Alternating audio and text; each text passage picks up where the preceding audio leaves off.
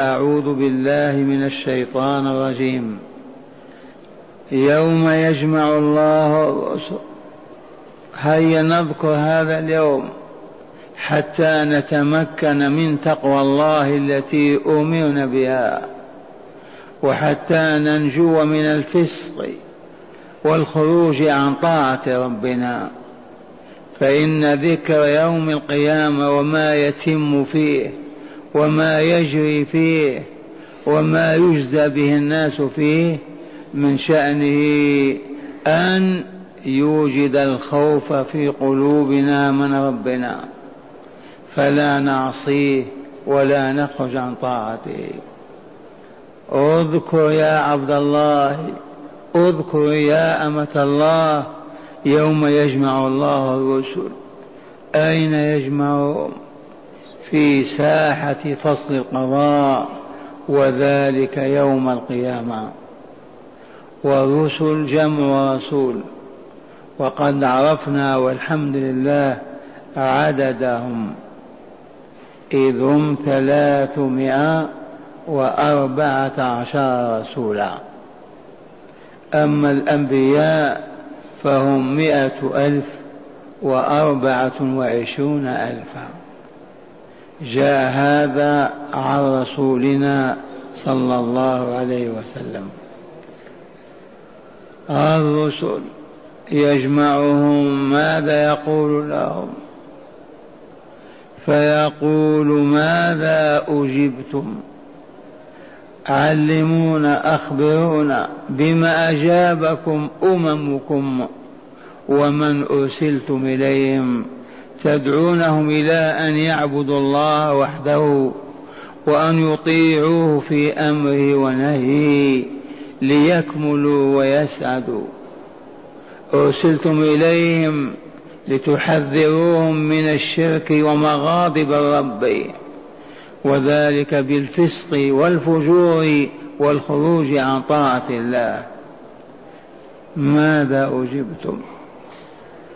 فمن هول الموقف وصعوبة الحال يصابون بالذهول فيفوضون الأمر إلى الله ويقولون لا علم لنا إنك أنت علام الغيوب. إن علمنا شيئا خفي عنا آخر. إن علمنا الظواهر خفيت عنا البواطن. وأنت علام الغيوب. والغيوب ما غاب عن العين والحس فلا يدرك بالسمع ولا بالبصر. والغيوب لا يعلمها إلا الله عز وجل ولا يحل لمؤمن ولا مؤمن أن يدعي علم غيب. فقد استأثر الله بعلم الغيب واختص به ولم يسمح به لغيره إلا من شاء أن يطلعه على شيء من الغيب.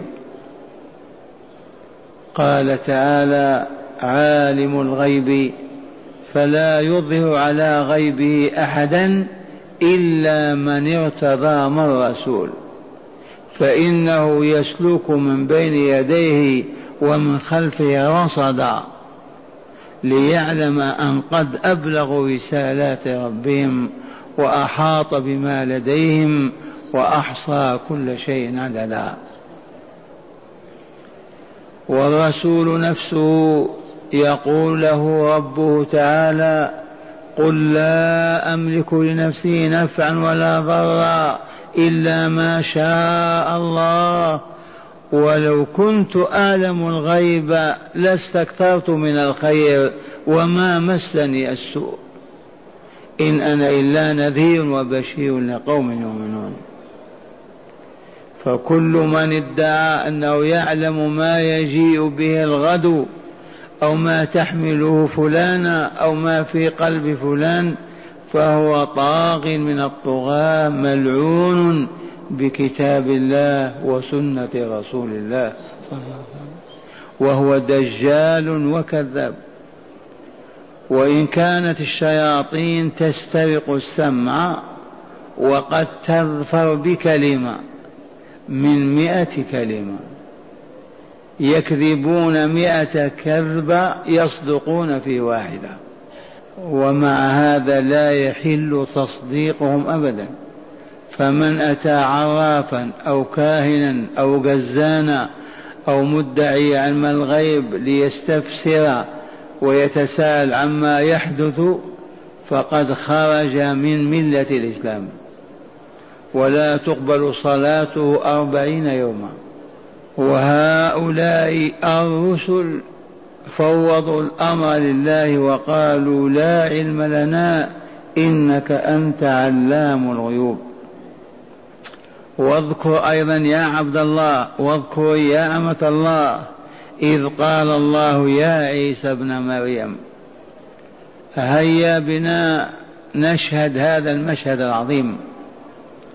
ويا ليت اليهود والنصارى يشهدونه معنا. إذ اليهود والعياذ بالله فرطوا في شأن عبد الله ورسوله عيسى وبالغوا في التفريط حتى اتهموه بالسحر وأنه ابن زنا وأنه كذاب وأنه وأنه والنصارى غلوا في شأن عيسى ووالدته فألهوهما وجعلوهما إلهين مع الله. وقالوا عيسى ابن الله. وقالوا ثاني اثنين مع الله. خبط وخلط وجهالات لا تخرج منها تلك الطائفة إلا إذا جاءت وأصغت تسمع كلام الله في هذا الكتاب القرآن العظيم. فالآية هذه تعالج الأمتين الضالتين وتكسب أمة الهداية زدا زيادة هداية وإيمان واطمئنان. إذ قال الله يا عيسى ابن مريم اذكر نعمتي عليك وعلى والدتك. وهنا يا عباد الله يجب أن نذكر نعم الله علينا. حتى نشكر تلك النعم. فالذين لا يذكرون نعم الله عليهم لا يشكرونها وقد أمر الله بني إسرائيل في كم آية. يا بني إسرائيل اذكروا نعمة الله عليكم. فإن من ذكر نعمة الله شكرها ومن نسيها كفرها. ما من مؤمن يذكر نعمة الله عليه في صحة بدنه في حضور قوته في سلامة عقيدته في صحة وجوده إلا قال الحمد لله الحمد لله. والذي يأكل ولا يذكر يشرب ولا يذكر كيف يشكر؟ كيف أعبر عن هذه الحقيقة؟ وهي حقيقة غفلنا عليها. الذي لا يذكر نعم الله عليه لا يشكرها. اذكر فقط نعمة سمعك. من وهبك هذا السمع أليس الله؟ ما إن تذكر هذه النعمة وتذكر من هو أصم لا يسمع إلا قلت الحمد لله. ترى أعمى يقاد بين الناس. ما إن تذكر هذه النعمة حتى تقول الحمد لله. تذكر فقيرا لاصقا بالأرض يتكفف الناس جوعا وعريا فتذكر ما أنت عليه فتقول الحمد لله. يا من هو على عروس يبني عليها ويدخل ويخرج على بيتها اذكر العزب الذين حرموا ذلك حتى تقول الحمد لله الحمد لله. يا صاحب الوظيفة اذكر من لا وظيفة لهم وهم يتسولون ويشحذون. اذكر هذا لتقول الحمد لله. ما استطعت أن أعبر عن هذه الحقيقة. ما نذك ما نشكر الله إلا إذا ذكرنا آلاءه ونعمه علينا. وهو القائل في سورة الرحمن فبأي آلاء ربكما تكذبان؟ فقالت الجن قبل الإنس ربنا لا بشيء من آلائك نكذب ربنا لك الحمد.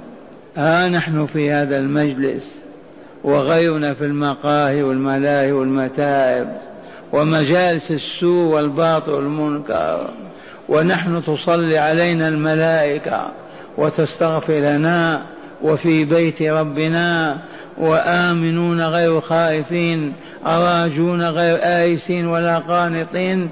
لم ما نذكر هذا حتى نقول في صدق الحمد لله الحمد لله الحمد لله الحمد لله. الله يذكر عيسى وأمه. يا عيسى اذكر نعمتي عليك وعلى والدتك. اذكر نعمتي عليك وعلى والدتك. ويبين مظاهر النعمة. فيقول إذ أيدتك أي قويتك ونصرتك بروح القدس. أية نعمة أعظم من هذه؟ يجادل المبطلين ويحاج الكافرين ويواجه المعاندين فلو لم يكن له من يعينه ويقف إلى جنبه يعجز يضعف يسقط. لكن الله امتن عليه فأيده بجبريل عليه السلام المسمى بروح القدس. لا يأتون بشبهة إلا ويردها. لا يحاولون مكرا إلا فضحه. وأظهره لأنه إلى جنب عيسى عليه السلام إذ أيدتك بروح القدس. ثانيا تكلم الناس في المهد وكهلا. أية نعمة أعظم من هذه النعمة؟ أما كلم الناس وهو في مهده.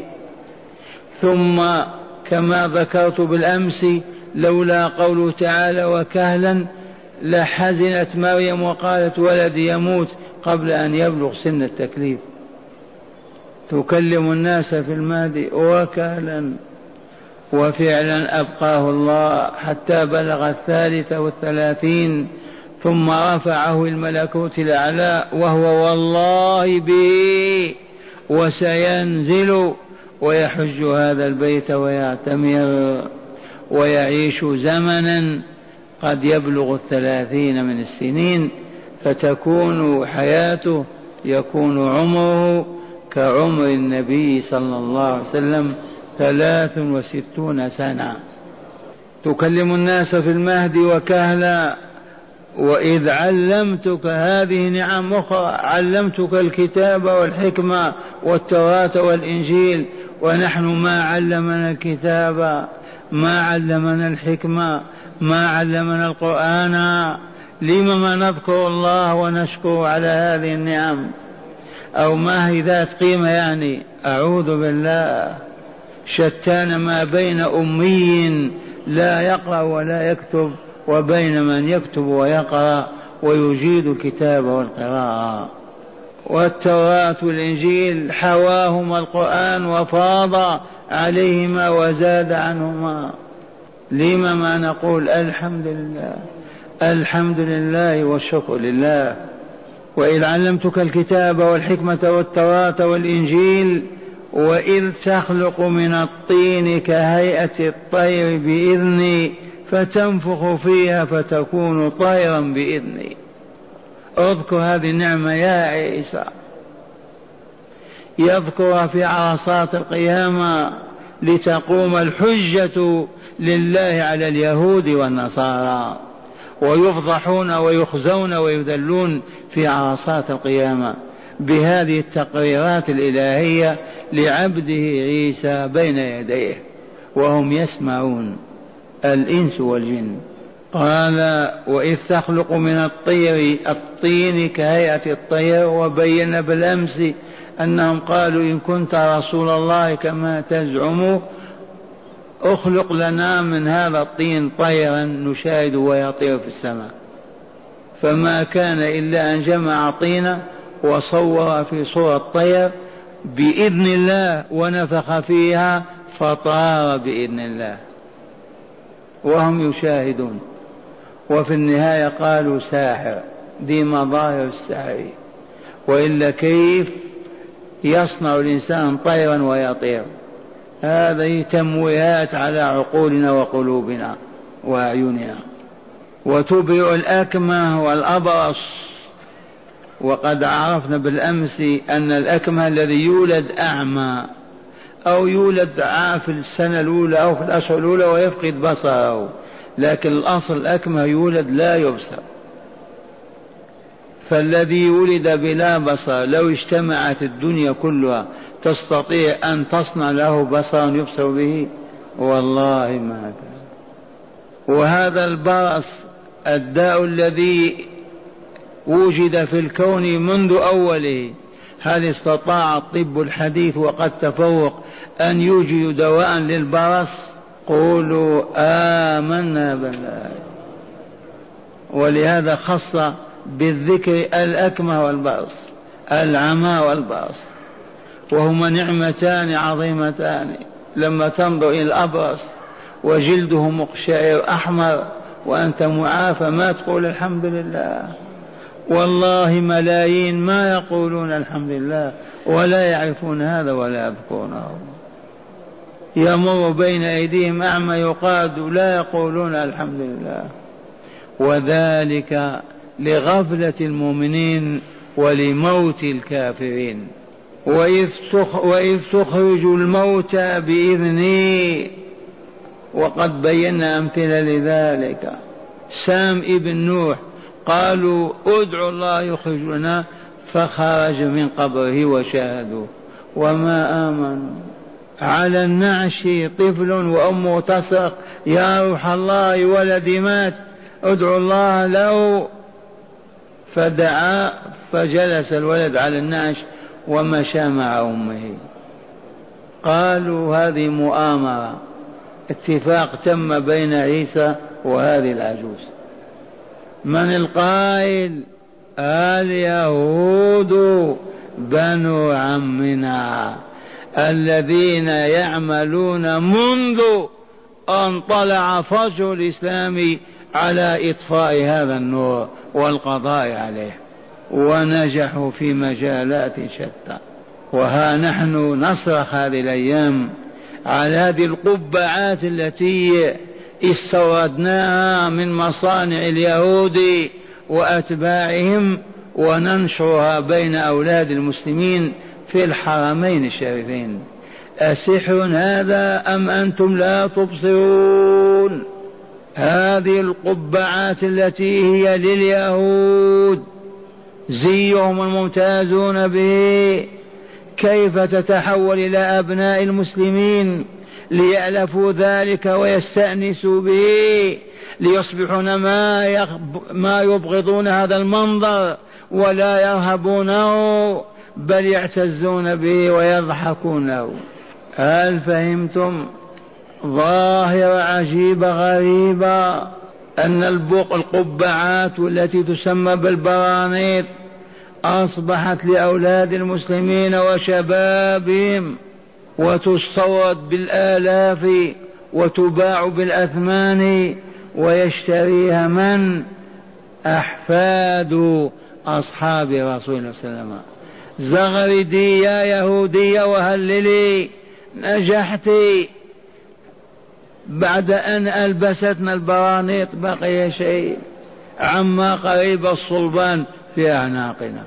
وإذ تخرج الموتى بإذني وإذ كففت بني إسرائيل عنك إذ جئتهم بالبينات فقال الذين كفروا إن هذا إلا سحر مبين وعزموا على قتلك وصلبك وتدمير أسرتك والقضاء على وجودك. من كفهم سوى الله؟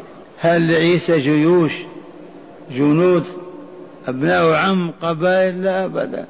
من كف عنه اليهود؟ وقد ذكرت لكم حادثة إلقاء القبض على الاصطخر رئيس الشرطة. جاءوا عازمين على قتله فطوقوا بيته عليه السلام وحاصروه فترة ما خرج أحد ولا فتحوا الباب فدخل رئيس الشرطة إلى المنزل وعيسى رفعه الله من الروزنة وألقى الله الشبه على مدير الشرطة. فدخلوا عليه وتدفقوا واحتضنوه ورفعوه بين أيديهم على أنه هو عيسى. وأخذوه إلى المحبس أو المسجن حتى نصبوا أخشابهم وآلات قتلهم وصلبوه والذي صلبوه والله ما هو بعيسى. وإنما الرجل اليهودي الذي ألقى الله الشبه عليه. قال تعالى من سورة النساء وما قتلوه وما صلبوه ولكن شبه لهم. وقولهم إنا قتلنا المسيح عيسى ابن مريم رسول الله وما قتلوه وما صلبوه ولكن شبه لهم. هذه النعمة من يذكرها فيشكر الله؟ نحن. إذ كف أيضا عنا كم وكم من أعداء الإسلام. وآخر ما كف علينا حرب الخليج. ما أرادوا إطفاء نور الله. ما أرادوا تمزيق راية لا إله إلا الله. والله لهذا الذي أرادوا من صرفهم من رد كيدهم. أليس الله؟ لم ما نذكره لنشكره؟ والله يذكر عيسى اذكر نعمتي عليك إذ أيدتك إذ كففت بني إسرائيل عنك إذ جئتهم البينات. وأخيرا قال تعالى نعم أي واذكر أيضا واذكروا إذ أوحيت إلى الحواريين أن آمنوا برسولي. أن آمنوا بي أولا وبرسولي ثانيا. من أوحى إلى الحواريين أليس الله؟ ألقى في قلوبهم ألقى في روعهم أن آمنوا بالله وبرسوله. فقالوا آمنا بالله واشهد بأننا مسلمون. من هم الحواريون؟ يقول الحبيب صلى الله عليه وسلم في الزبير. الزبير ابن ابن خال ابن عمتي وهو من حواري. من حواري رسول الله الزبير بن العوام.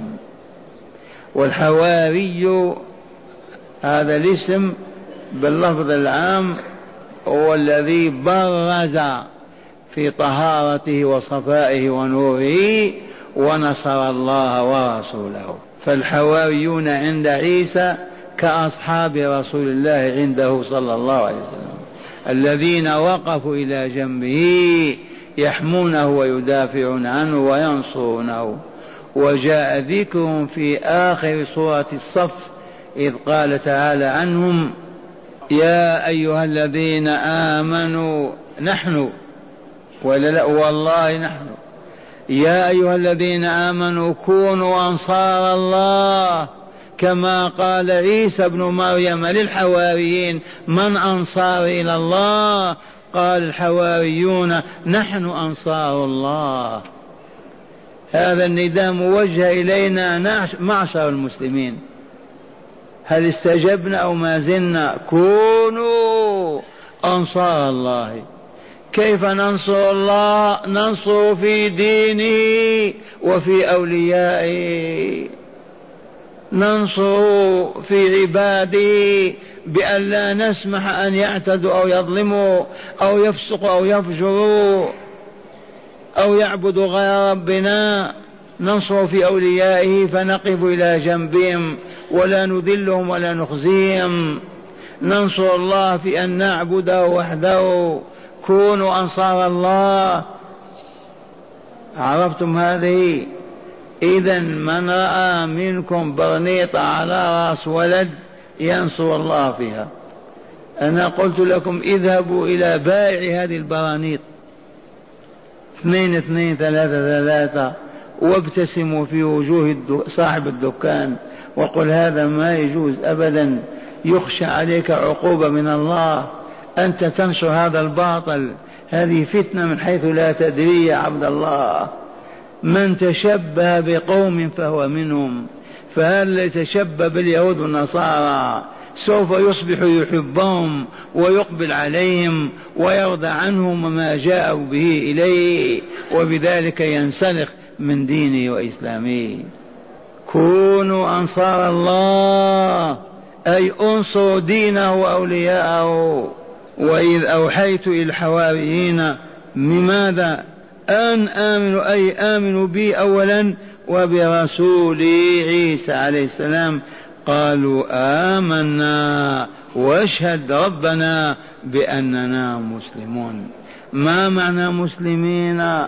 بالأمس قلنا الإسلام هو أن تسلم قلبك لله. خذ يا رب بقلبي ووجهك لله خذ يا رب بوجهي فتصبح حياتك كلها وقفا على الله. قلبك لا يتقلب إلا في طلب رضا الله. وجهك لا يتجه في الحياة إلا إلى ما يرضي الله. إذ أنت عبده وأنت وليه وهو قد استوقفك عليه فأنت وقف على الله. وآية الوقفية من سورة الأنعام واضحة صريحة. قل إن صلاتي ونسكي ومحياي ومماتي بقي شيء بعد الحياة الموت؟ لله رب العالمين لا شريك له وبذلك أمرت وأنا من المسلمين.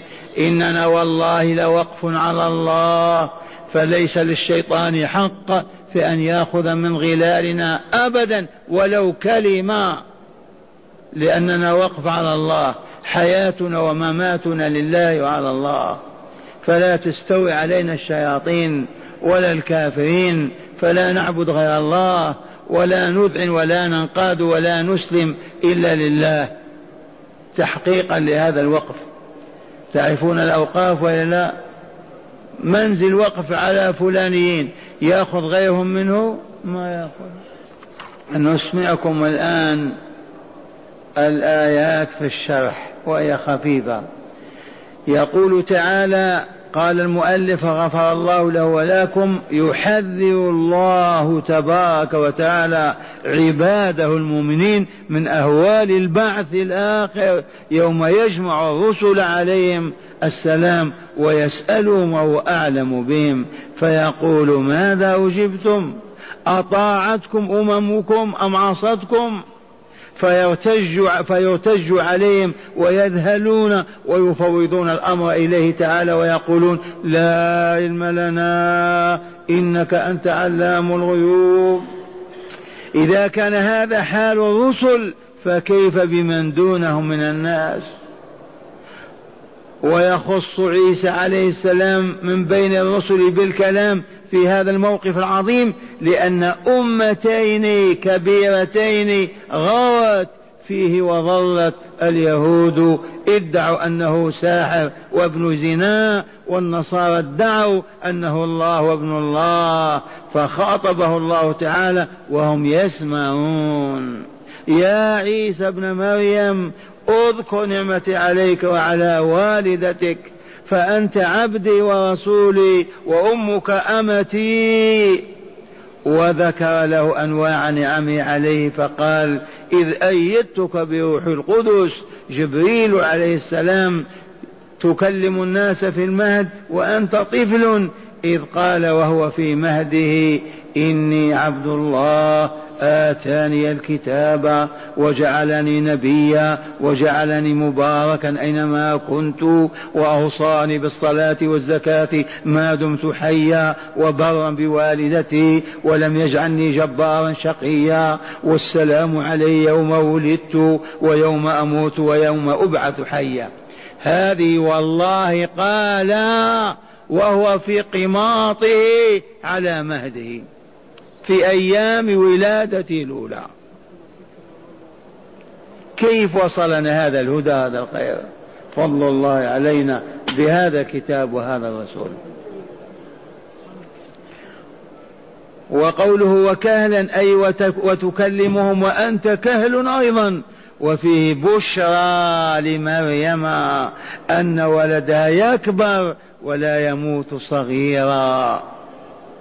وقد كلم الناس وهو شاب وسيعود إلى الأرض ويكلم الناس وهو كهل ويعدد نعمه عليه فيقول وإذ علمتك الكتاب والحكمة فكنت تكتب الخط وتقول وتعمل بالحكمة وعلمتك التوراة كتاب موسى عليه السلام والإنجيل الذي أوحاه إليه وإذ تخلق من الطين كهيئة الطير بإذني فيكون طيرا بإذني. أي أذكر أي أذكر لما طالبك بنو إسرائيل بآية تدل على نبوتك. فقالوا لك أخلق لنا طيرا فأخذت طينا وجعلته على صورة طائر. وذلك بإذني لك ونفخت فيه بإذني فكان طائرا. بإذن لك لولا أن الله سمح له أن يصور يقبل ما يقبل. لأن الله لم يأذن لمؤمن أن يصور صورة. من أشد الناس عذابا يوم القيامة المصورون. لولا أن الله أذن لعيسى ما كان لفعل. قال أذنت لك في التصوير. وإلا بلغوا إن من أشد الناس عذابا يوم القيامة المصورون. ادخلوا بيتا فيه كلب ولا صورة. والمسلمون غمرتهم التبعية والذيلية لليهود والنصارى فأصبحوا مثلهم. إلا من رحم الله. قال فيكون طيرا بإذني أي أذكر لما طالبك بنو إسرائيل بآية تدل على نبوتك فقالوا لك اخلق لنا طيرا فأخذت طينا وجعلته على صورة طائر وذلك بإذني لك ونفخت فيه بإذني فكان طائرا. واذكر أيضا إذ تبرئ الأكمة وهو الأعمى الذي لا عينين له والأبرص بإذن أي بعوني لك وإقداري لك على ذلك وإذ تخرج الموتى أي من قبورهم أحياء فقد أحيا عليه السلام عددا من الأموات بإذن الله تعالى. ثم قال بنو إسرائيل أحي لنا سام بن نوح. فوقف على قبره وناداه فقام حيا من قبره وهم ينظرون. واذكر إذ كففت بني إسرائيل عنك إذ جئتهم بالبينات فكذبوك وهموا بقتلك وصلبك. فقال الذين كفروا منهم إن هذا إلا سحر مبين. واذكر إذ أوحيت إلى الحواريين على لسانك أن آمنوا بي وبرسولي أي بك يا عيسى فقالوا آمنا واشهد بأننا مسلمون أي منقادون مطيعون لما تأمرون به من طاعة ربنا وطاعتك يا رسول الله. هذا معنى هذه الآيات النورانية. هل نشبع منها؟ والله ما. لو نكر الدهر كله ما تنتهي أنوارها ولا تنقطع هدايتها. للأحياء لا للأموات. قال هداية الآيات من هداية الآيات. أولا شدة هول يوم القيامة وصعوبة الموقف حتى إن الرسل ليذهلون ثانيا وجوب الاستعداد لذلك اليوم. نستعد له بالأموال في البنوك. ها آه؟ ندخر الدقيق والشحم وكذا. أي شيء نستعد به؟